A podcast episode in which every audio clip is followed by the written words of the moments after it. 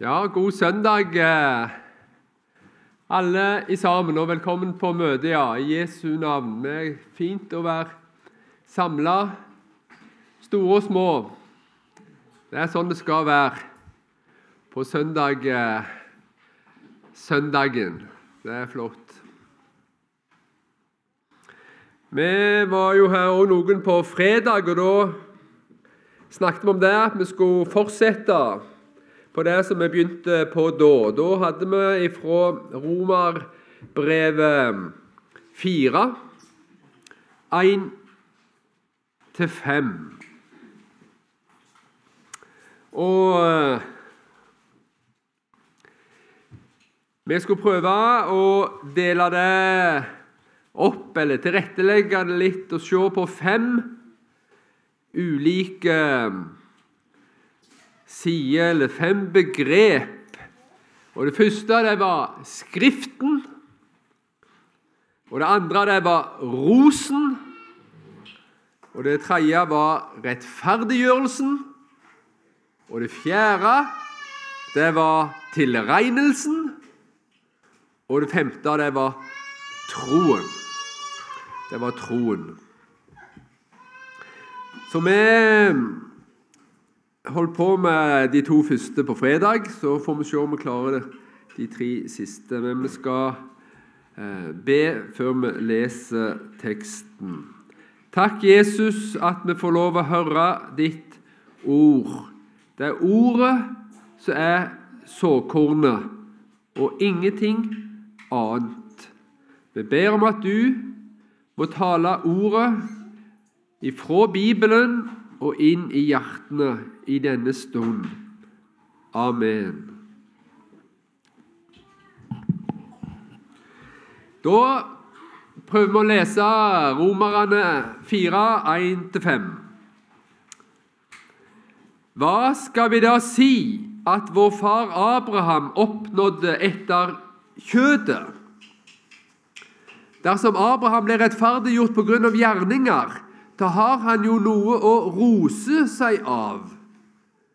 Men det har han ikke for Gud. For hva sier Skriften? Abraham trodde Gud, og det ble tilregnet ham som rettferdighet. Den som har gjerninger, får ikke lønnen av nåde, men som noe han har fortjent.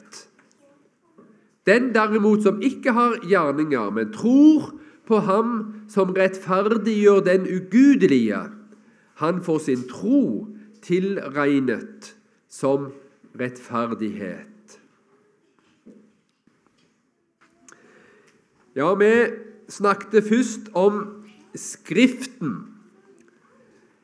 som er jo er den eneste, men òg den fullt ut tilstrekkelige både den eneste, men òg den fullt ut tilstrekkelige norm, regel og dommer for alt som handler om kristen lære og kristent liv, og som alle forkynnere og all forkynnelse skal prøves på. Og Det gjelder òg i ditt eget liv, i din egen hverdag, så er det Skriften som skal oppstille trossetninger. Ellers ingen, ikke engang en engel fra himmelen. For om det kommer noen andre, sa Paulus, så forkynner noe annet enn det som vi har forkynt. Han være forbannet. Og vi sang det her i vers 3. La meg ei tro hva verden tror.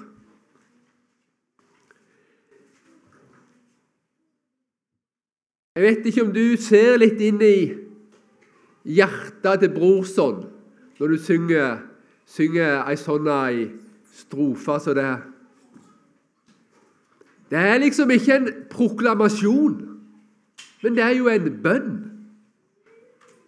Han kjente nok trøkket, han òg ifra tidens vær og vind. Det er så mye som vil ta Bibelen ifra meg.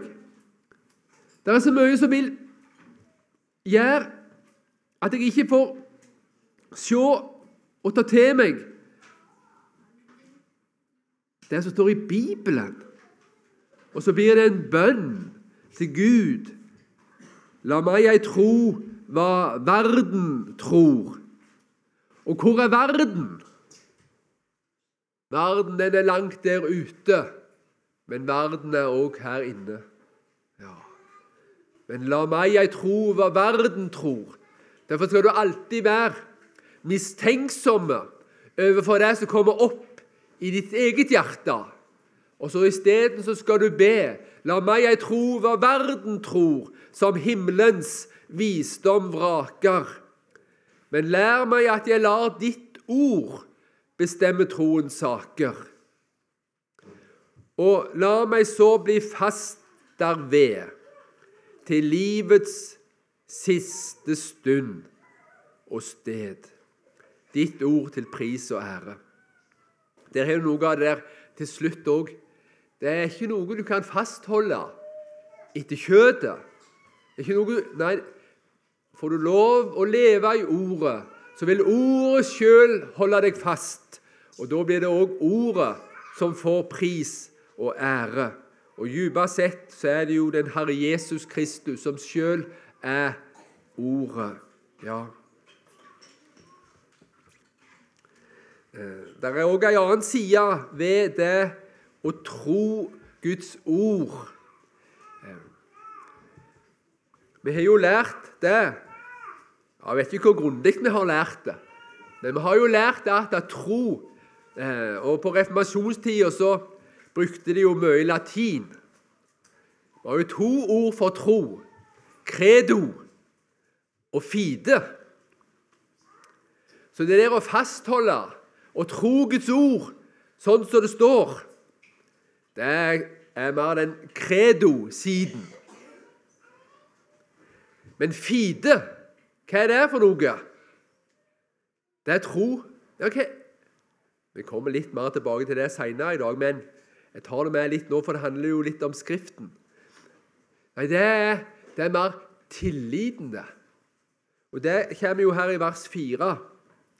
For allting la ditt kors og blod meg trøste. Ja. Har, du, har, du, har, du, har du hatt det sånn i møte med Bibelen? Noen er veldig girde på, og det er fint. Rett og galt. Det står i Bibelen hva vi skal tro, og hva vi skal gjøre. Ja, ja, det er jo det er den eneste regel og rettesnor. Det er det. Men har du noen gang erfart dette her i møte med Bibelen? Og for en trøst det var. Er Jesus, er Jesus sånn? Kan jeg få lov å tro at mine synder er sona? Å, det ser jeg i Bibelen. Det ser jeg i Bibelen. For allting la ditt kors og blod meg trøste alle vegne. Ja, sånn er det. Skriften, ja. Det så vi her at når vi skulle lære om Abraham, så var spørsmålet hva sier Skriften? Så jeg spør ikke hva du mener, ikke hva du opplever, ikke hva du føler, ikke hva du klarer å tenke deg til om du aldri har tenkt Dette har jeg tenkt veldig lenge på. Ja, men Det er ikke interessant. Men hva sier Bibelen? Hva sier Bibelen? Hva sier Skriften? Ja, Og når Skriften har sagt det, da står det fast.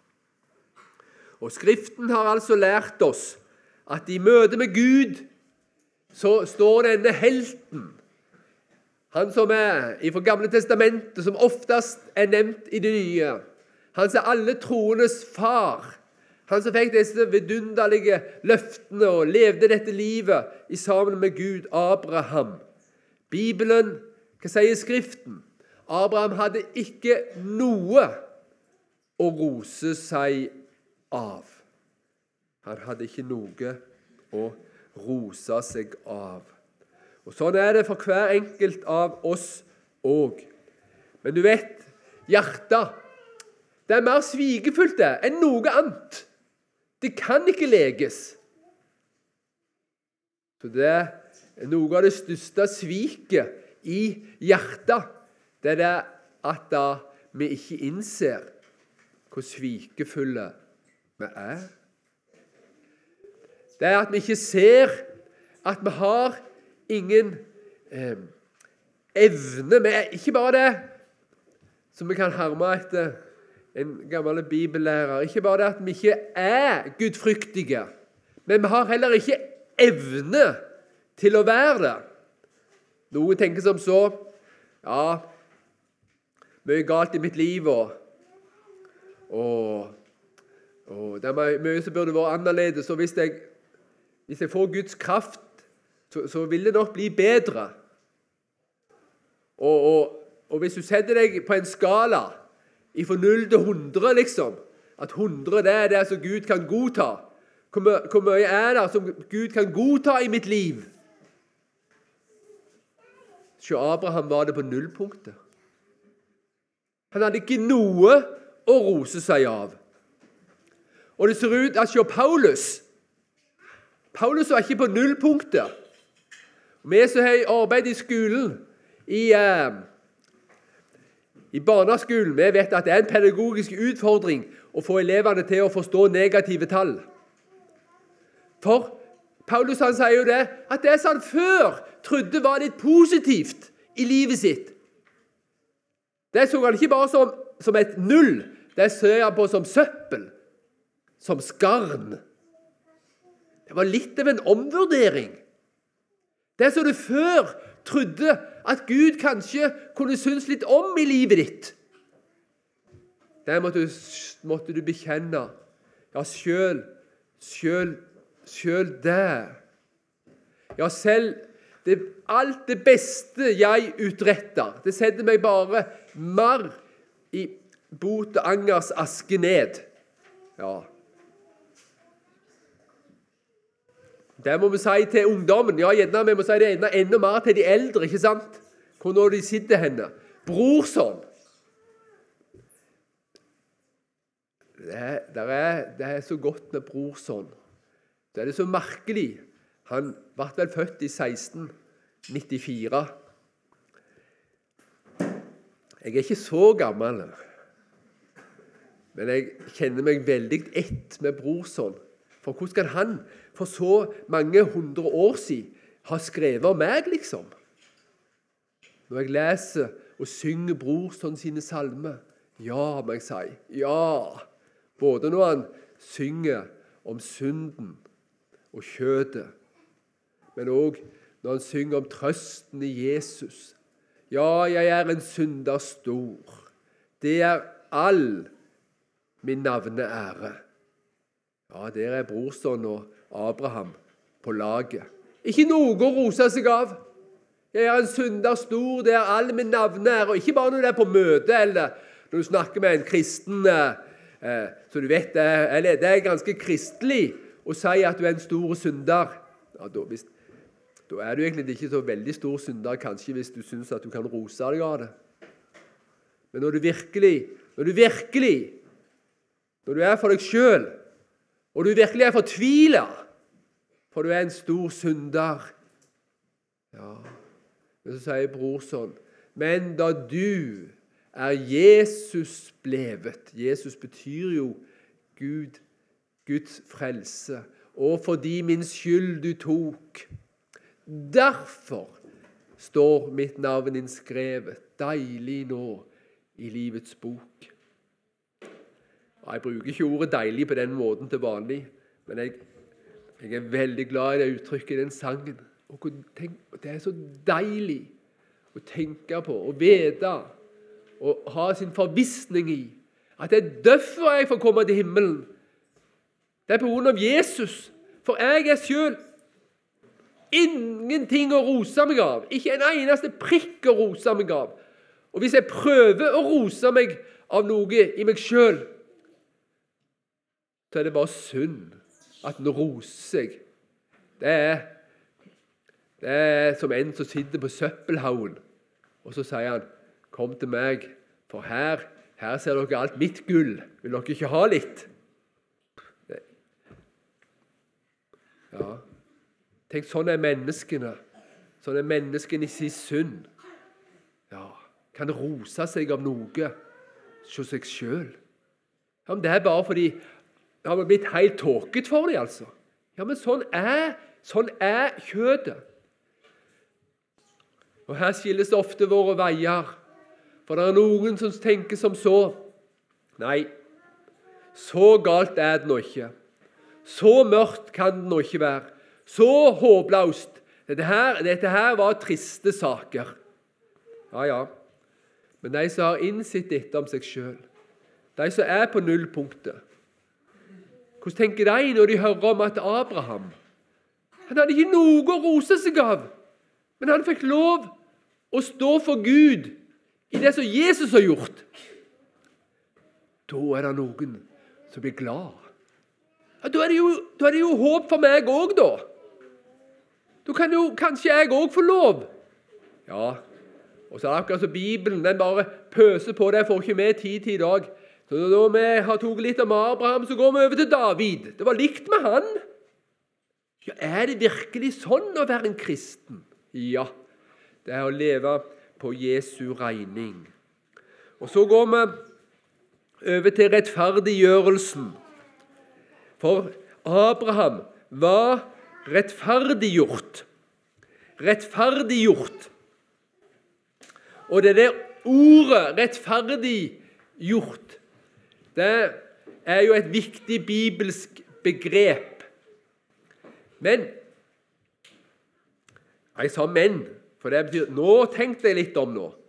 For det har en liten ulempe med det begrepet. Rettferdig gjort. For eh, det, hvis du da prøver å bryte begrepet ned, sånn som vi mange ganger gjør med sammensatte ord, iallfall på norsk, så, så, så, når det er et sammensatt ord, rettferdig gjort, som prøver å forklare det, så bare tar vi det i revers. Det er gjort rettferdig. Og det er akkurat så, så vi lett kan tenke, sånn som det er i mye av teologien, og som har ser i den romersk-katolske kirke at rettferdiggjørelsen, rettferdiggjort, det blir tolka som om jeg på en måte er blitt forvandla. Før var jeg ikke rettferdig, men nå er jeg på en måte fått Guds ånd og Guds kraft inni meg, sånn at jeg har blitt på en måte om, omdanna til en viss grad, i større eller mindre grad, til å bli rettferdig. Nei, nei, nei. nei. Så det er en som har foreslått, ja sikkert flere, et alternativt eh, eh begrep. Og Dere vet jo her på forskning så pleier jeg å ha med denne boka her. Eh, 'Rettferdiggjort av tro' av Olav Senstad. Og Han har et lite personlig forslag som ikke har slått igjennom. Det må vi vel kunne si. Men han foreslår vi skulle heller sagt 'rettferdig sagt'. At du blir rettferdig sagt, og rettferdig gjørelse. Rettferdigsigelse. Mm, det var noe merkelig. Det er altså noen som sier noe. Ikke noe som blir omdanna, men noe som blir sagt. Og Det du skal se for deg her, det er jo rettssalen. Hvem er det som kan tale med myndighet i en rettssal? Det er dommeren, det. Og hvis dommeren sier når du står for dommeren, så står du der, og skal dommeren felle dommen over deg. Og så sier dommeren Han her, eller hun her, er helt rettferdig. Det er ikke ei synd. Det er ikke én ting som er gjort imot de lovene som gjelder.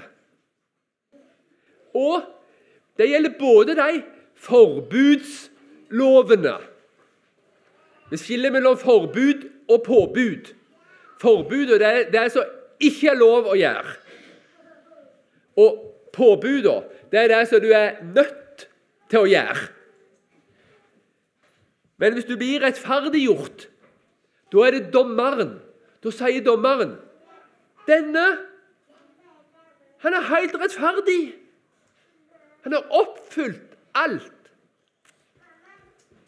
Abraham han ble rettferdig sagt. Abraham han ble rettferdiggjort.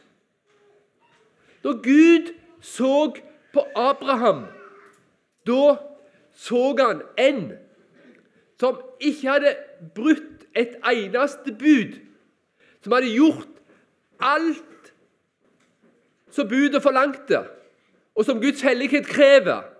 Og ingenting av det som ikke skulle vært gjort, var gjort. Så alt var perfekt. Abraham ble rettferdiggjort, står i vers 2. Abraham ble rettferdiggjort.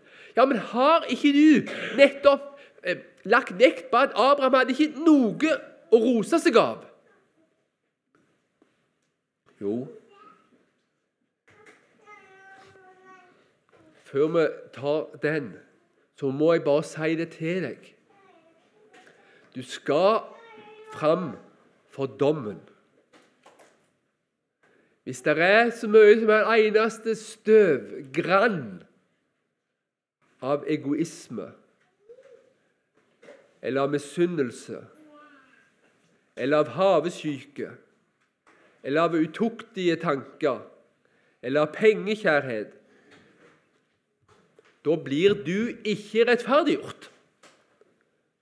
For Vi snakket om det på fredag. Det der med lyskasteren. Har du sett ei lommelykt? Du kan lyse. Så akkurat som Gud kommer og lyser på oss, og så ser han opp og ned. Att og fram så ser han om vi er perfekt. Og så akkurat når han tatt ferdig med lommelykta, ser at alt er fint på det, på det ytre, så tar han fram røntgenapparatet. Og så lyser han inn i hjertet, inn i hjertets innerste. Så ser han om alt er fint og rent og hellig. Og Hvis han ser at alt er perfekt, da rettferdiggjør han. Da feller han dommen. Gå inn til min Herres hvile, og du skal få det evig godt. Abraham var rettferdiggjort. Men hvordan henger dette sammen? Ser du det? Hvordan det henger sammen? at Abraham, som ikke hadde noe å rose seg av Men likevel så var han rettferdiggjort. Var det ikke han som når han kom ned i Egypt, løy om kona si? Syns jeg husker det?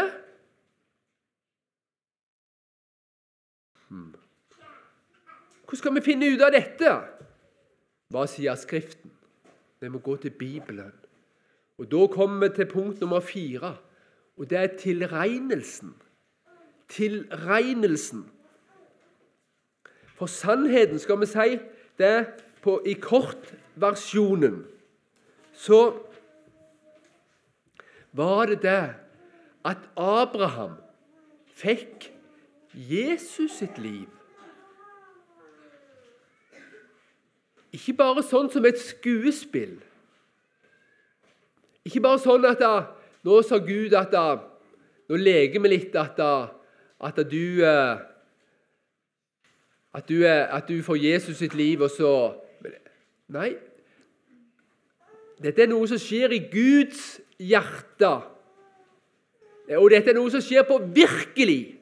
At alt det som Jesus er og har gjort og gjelder for og har fortjent Alt det på en måte ble løfta over på Abraham. Så Abraham på en måte fikk det som sin eiendom.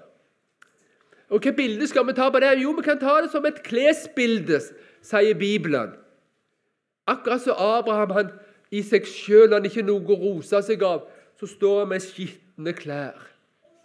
Han har skitne hender. Han har skitne klær. Han har skitne føtter. Og han har, han har skjede hjerter. Men så kommer Jesus, og så sier Jesus, 'Her er det som jeg har gjort.' 'Her er det som jeg har sagt.' 'Her er alle ordene mine.' 'Her er alt det som jeg har sett.' 'Her er alt det som jeg har tenkt.'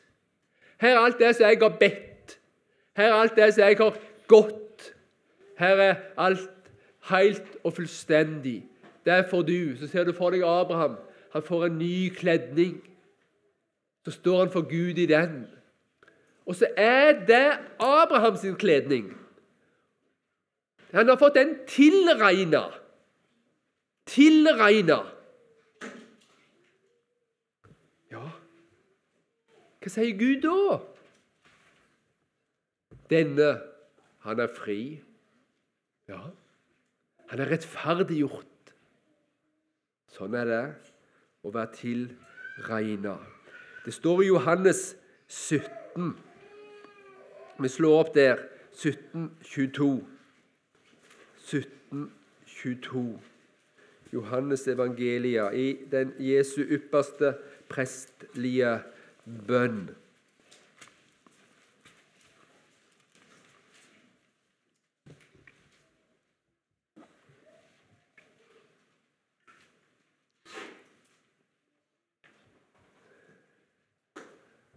Og den herlighet som du har gitt meg, har jeg gitt dem, for at de skal være ett, liksom vi er ett. Den herlighet som Jesus hadde, den har han gitt til deg. Den får lov å være din. Den får du lov å regne med at den har Jesus kjøpt og fått til deg. Sånn er det. Og så alt det som du er i deg sjøl, det tok Jesus på korset. Det sonet han ut. Det betalte han for. Så alt ditt, det ble hans. Og alt hans, det ble ditt. Ja For allting Det der uttrykket der òg, vers 4, det er noe som er så ufattelig viktig. Som er viktigere enn alt. Og det er det vi snakker om nå. Ja, det er, det er artikkelen om rettferdiggjørelsen. For allting ja, La ditt kors og blod meg trøste alle vegne. Det er det viktigste av alt. Kan du prøve å finne opp viktige ting i ditt liv? Men det er noe som er viktigere enn alt. Ja, det at vi får lov å tro på Jesus og trøste oss til det som han har gjort. Hans sitt kors, hans sitt blod, hans sin soning, han sitt liv. Hele verden. Er, hvis du ser litt inn i dette, så blir det på en måte hele verden, med verdens rikdom, med verdens anerkjennelse, med verdens eh, på en måte karriere. Nei, jeg må bare si det. Framfor alt, Herre Jesus, må jeg få lov å eie syndenes forlatelse. Være rettferdiggjort. Være tilregna. Være tilregna din rettferdighet. Ja, her er det mye, mye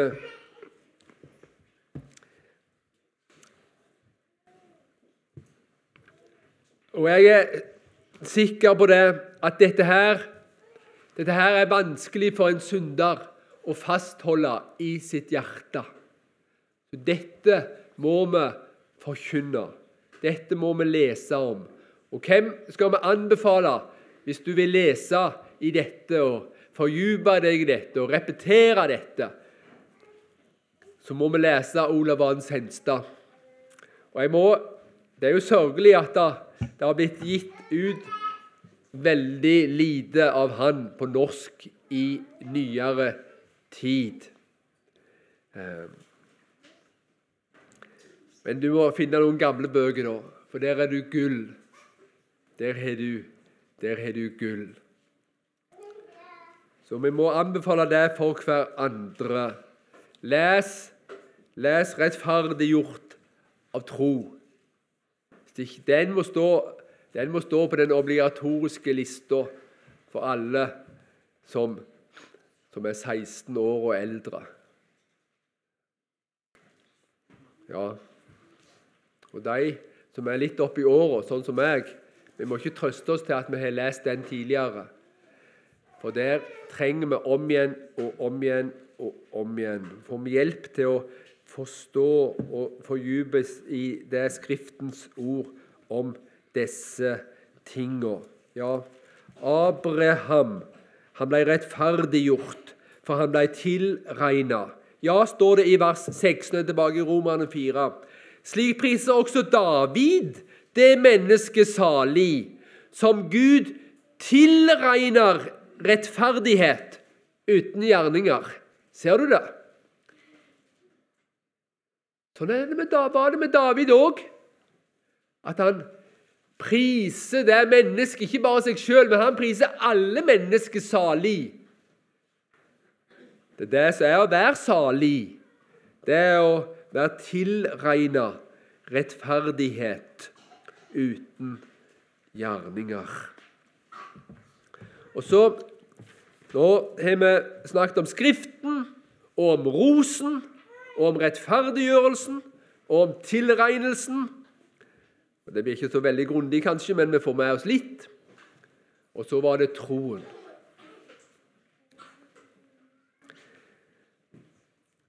For hvis du setter to syndere attmed hverandre så har Jesus han har levd sitt liv for begge. Han har dødd på korset for begge. Han har stått opp ifra grava for begge. Men likevel så går den ene til himmelen, og den andre til fortapelsen. Fordi om Jesus soning var fullkommen for begge. Gud vil at alle skal bli frelst. Så var det én som var kristen. Så var det én som ikke var det. Og når jeg ser utover denne store forsamling, så kan jeg jo bli rysta i mitt indre og tenke på hvordan vil det gå på den store dag. Hvor mange av dere vil nå innenfor porten? Og hvordan vil det gå med meg? Ja, jeg får lov å tro på Jesu regning at jeg hører himmelen til i dag. Og bevar meg, Gud. Bevar meg, Gud. Før meg på dine veier. Hold meg inn til deg. Ja, hvor står Det gjør han ved ordet. Det gjør han ved ordet.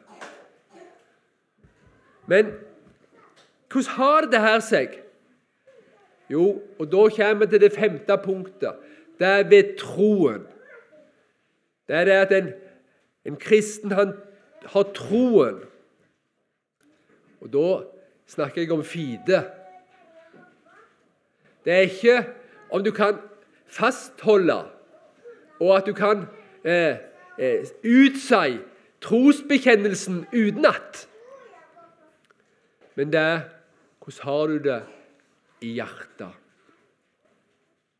For det sto at det var ved tro Abraham ble rettferdiggjort.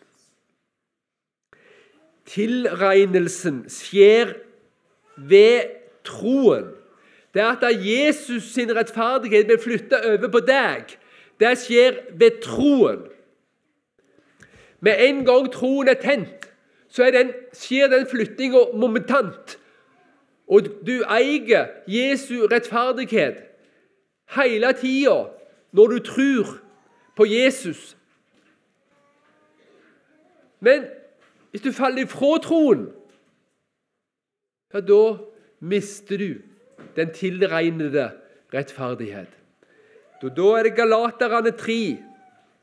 Galaterbrevet 3 korresponderer jo i veldig stor grad med Romerbrevet 4. Galaterne 3. Og vi leser fra vers 6 til 9.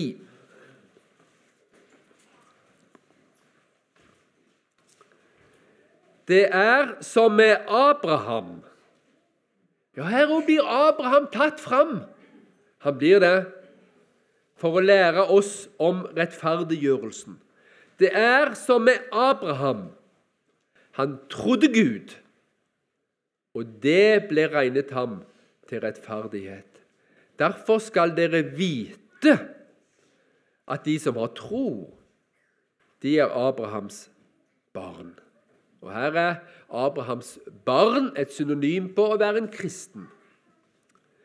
Da Skriften forutså at det er ved tro Gud rettferdiggjør hedningene, det er jo oss. Da Skriften forutså at det er ved tro Gud rettferdiggjør hedningene, forkynte den på forhånd dette evangelium for Abraham. I deg skal alle folk velsignes. Og Der tenker det på, på Jesus i Abrahams i ett. Så blir da de som har tro, velsignet med den troende Abraham.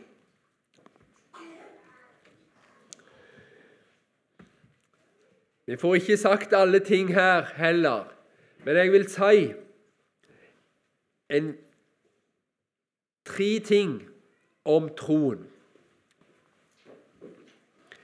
Tilregningen av Jesu rettferdighet, den skjer ved troen. Og det andre jeg vil si troen er ikke en gjerning. For det du tenker etter kjødet når du hører at du blir tilregna ved tro, da tenker du nå, nå, nå, gjelder det jo at jeg klarer tro. Nå må, nå, nå må, jeg virkelig få til det der å tro, for det er jo da, liksom, det er jo da jeg blir tilregna alt som Jesus sitt. Så nå, pass nå på, Finn Vidar, at du tror. Sett nå i gang å tro. Og pass på at du ikke slutter å tro. Men hva er troen? Det er ikke en gjerning på Abraham. Han ble ikke rettferdiggjort av gjerninger. Han hadde ingen gjerninger, men han hadde tro. Han trodde på Jesus. Ja. Så troen er ikke en gjerning. Da skal du tenke på det med fide. Det er tilliten til Jesus. Det er fortrøstningen til Jesus. Det er det at du på en måte får øye på Jesus. Så Derfor er det nummer tre. Nummer én tilregning ved troen. Troen er ikke en gjerning. Troen er noe som skapes av Gud.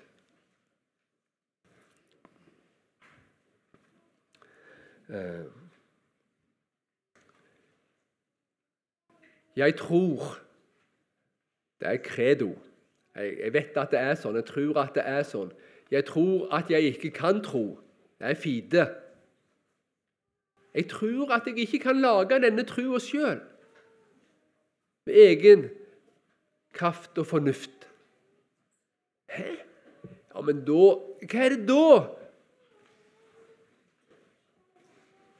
Det skapes ved Guds ord.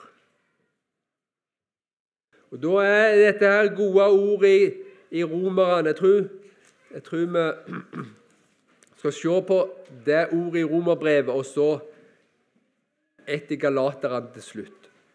Når det gjelder det med troen som skapes. For her er det en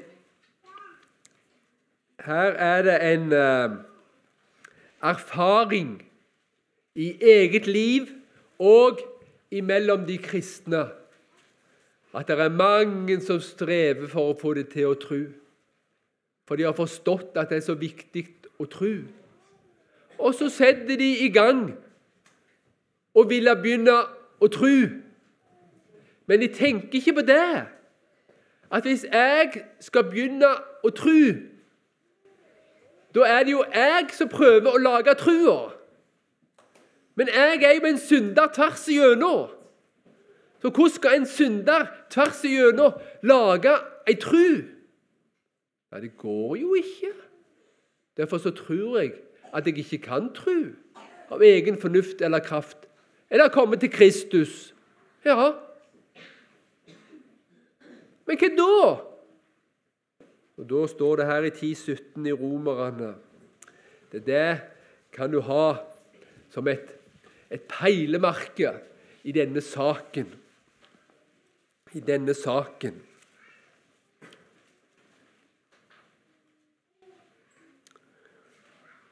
Så kommer da troen av Ja, det kommer troen, står det faktisk.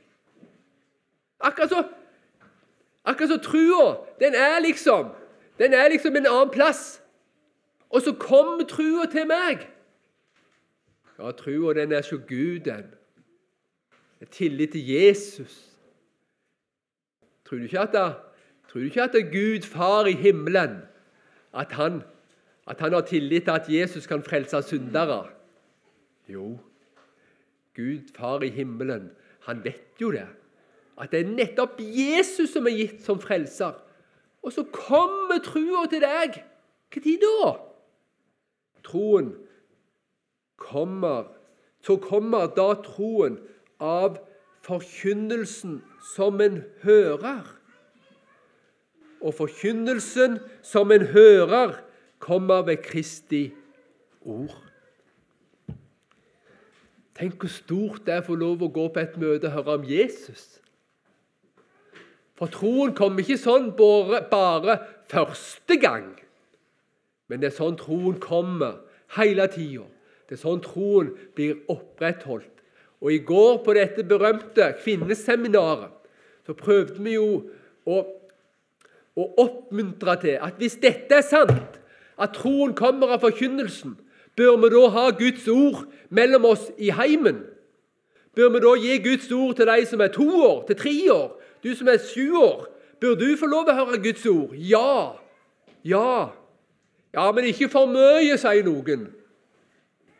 Ja vel. Nei, det er ikke der det ligger. Det er ikke det som er problemet. At det kan bli for mye.